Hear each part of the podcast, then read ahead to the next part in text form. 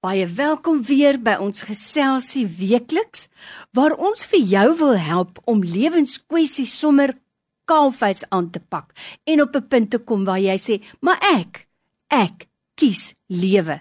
Die gas in die ateljee vandag weer is Dr. François Swart. Hy's 'n pastorale en kliniese terapeut en hy help ons op hierdie reis. Dis sy eie tyd wat hy gebruik en daarvoor is ons baie dankbaar. So Dr. Fransja vir jou tyd vandag weer baie dankie. Hallo Lorraine, hallo luisteraars. Dr. Fransja, die woord leer vir ons: Wees bly saam met die wat bly is en treur saam met die wat treur. Dis vir my seker maar eintlik 'n uitgebreide manier om te sê hê empatie. Maar nou om te treur saam met iemand wat treur of om te bemoedig is maklik. Maar dit is nie so maklik om bly te wees oor 'n ander ou se sukses nie. En daar dink ek, het ons almal al een of ander tyd gefaal. Nou sal 'n persoon sê, "Kyk, ek het nou 'n nuwe reeks kinderklere ontwerp en dit word nou gemaak en dis al klare sukses." Dan voel ek dalk in my binneste, "Hoekom het ek dit nie lankal gedoen nie? Ek kon dit al gedoen het om die waarheid te sê. Ek kan dit beter doen.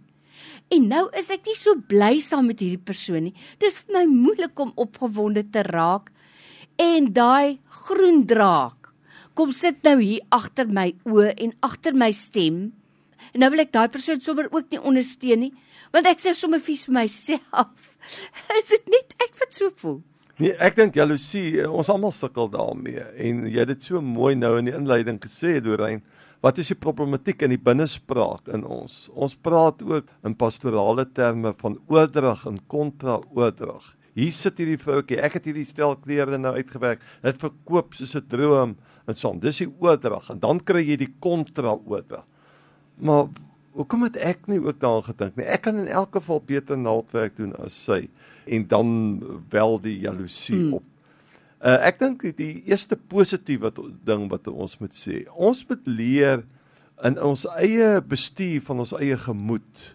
Soos wat ons deur die dag gaan, die heeltyd in kontak te wees met ons innerlike self. Met die positiewe goed wat ek ervaar, o, dis 'n mooi blom, o, dit reën, o, oh, dis koud of, of wat ook al en ook die negatiewe goed. Dit wat nou hier gebeur, uh dit ontstem my. Ek hou nie van die, hierdie kanaal op televisie nie. Ek gaan nou na 'n ander kanaal toe. Jy moet die heeltyd in kontak wees met jou gevoelens. En hierdie een is nou waar jy in kontak is met jou skadukant. Dat jy 'n jaloesie sien opwel in jou. En dan moet 'n mens gaan kyk weer na jou eie identiteit. Wat is dit wat hierdie gevoel in jou laat ontstaan? Kan dit wees dat jy onseker is oor jouself en daarom gun jy nie vir ander mense nie? Kan dit wees dat jy so seer gekry het in die verlede en eintlik bitter geword het dat jy nie eintlik regtig saam kan juig met ander persone nie? Jy moet vir jouself gaan afvra, wat is dit wat my uniek maak? Wat maak my spesiaal? En as jy 'n duidelike prentjie het wat ek is die moeite werd, so die moeite werd dat Jesus selfs bereid om vir my persoonlik, mm. nie vir die wêreld nie, vir my vir wie ek is en hoe ek is, het hy sy lewe gegee. Maar ons moet verder met daai gesprek gaan en vir onsself vra, wat maak my uniek? Want Jesus praat as die jong man na hom toe kom en en vra, weet jy ek doen al hierdie wette en goed wat julle sê. Ek het nie 'n probleem nie. Is daar iets wat ek mis? Dan sê Jesus vir hom, weet jy al wat jy aan konsentreer is eintlik net twee wette. Wees lief vir die Vader en wees lief vir jou naaste. Maar dan sê hy altyd uh, vir my interessante ding, tot op hierdie dag dink ek daaraan, want hy het nie nodig gehad om dit te sê nie. Hy gebruik 'n vergelykingskonstruksie. Jy moet lief wees vir jou naaste soos jouself. Mm. En dit moet 'n ou bietjie uitpak. En baie keer as jy met jaloesie sit, is die penwortel daarvan dat jy nie in 'n goeie verhouding is met jouself nie. En jy's altyd besig om jouself te vergelyk met ander mense en ander goeders. En terwyl jy weet nie mooi wie jy self is nie en jy sien net, "Ag, maar dis lekker wat hulle doen." Jo, nou het ek weer op Facebook gesien, hulle was daar ek kan dit nooit doen nie. En, en daar kom die verbittering, dan kom die jaloesheid en jy's definitief nie lus om hande te klap vir daai persoon nie. Daarom het jy liefste daai energie gaan uh, herkanaliseer en met iemand gaan sit wat jy weet wat vir jou lief is, wat vir jou omgee, wat jou verstaan. En net vir hulle vra en jy kan begin by jou kinders as hulle ouer is. Jy kan begin by jou man. En weet jy dis goed. Uh, ek is nou al 'n paar jaar getroud. Moet 'n mens net weer by jou geliefde sit as jy al 15 of 20 of 30 jaar op pad is. Sê net gou vir my, hoekom is jy lief vir my? Uh, wat is dit in my wat maak dat jy lief is vir my? Weet jy in uh, jou geliefde en die persoon wat hienis het vir jou, versterk dan goed baie keer blinde kant in jou wat jy nie eens van bewus is nie.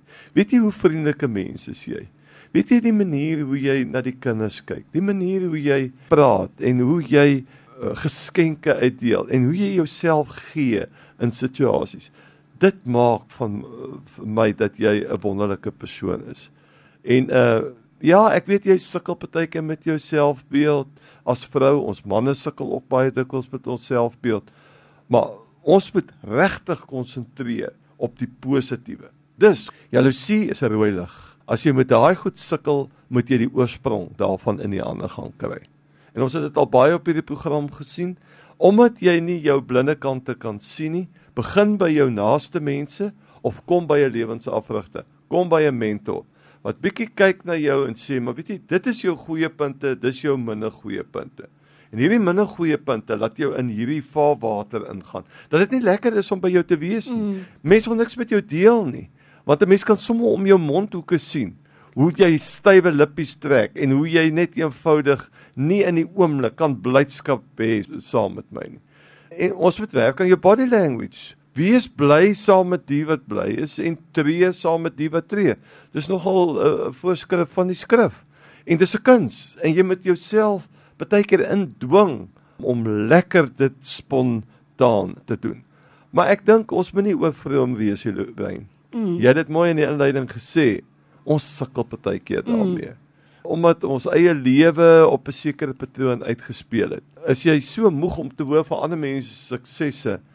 want jy is verblind met met al die goed waarmee jy sukkel.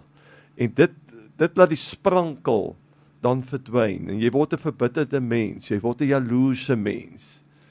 En dan moet ek vir jou sê, dan is jy nie 'n lekker mens om by te wees nie. Dis so waar Dr. Franswa en ek dink ook aan die einde daarvan besef jy nie wat jy wel bereik het nie. Ek dink byvoorbeeld aan 'n aan 'n ma wat 'n goeie ma was haar lewe deur. Wie se kinders hoogtepunte bereik het. Maar sy bly bewus van haar ontoereikendheid en sy besef nie maar watter reuse aandeel het ek in hulle sukses gehad. So ek dink as ek nou iets wegneem vandag, dan is dit dat ons baie bewus moet wees van ons binnespraak. Jy het so mooi gesê van my selfspraak. Hulle reken dat 90% van my selfspraak is negatief, dat ek daaraan werk, maar dit beteken ek moet myself leer ken.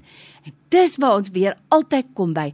As jy dit nie self reg kry nie, kry iemand om jou te help daarmee. En dis waar ons nou sê, baie dankie vir 'n kliniese pastorale terapeut soos jouself Dr. François, waar mense kan gaan aanklop. Nou ek wil sê baie dankie vir die wyse woorde en die raad vandag weer. En ek wil vir jou regtig aanraai, gaan klop aan by iemand sodat jy jouself beter kan leer ken.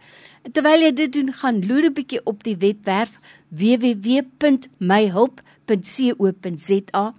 Wonderlike hulpbronne daar vir jou, interessante artikels en geselsies en dis alles gratis en verniet. So vir jou tyd vandag weer.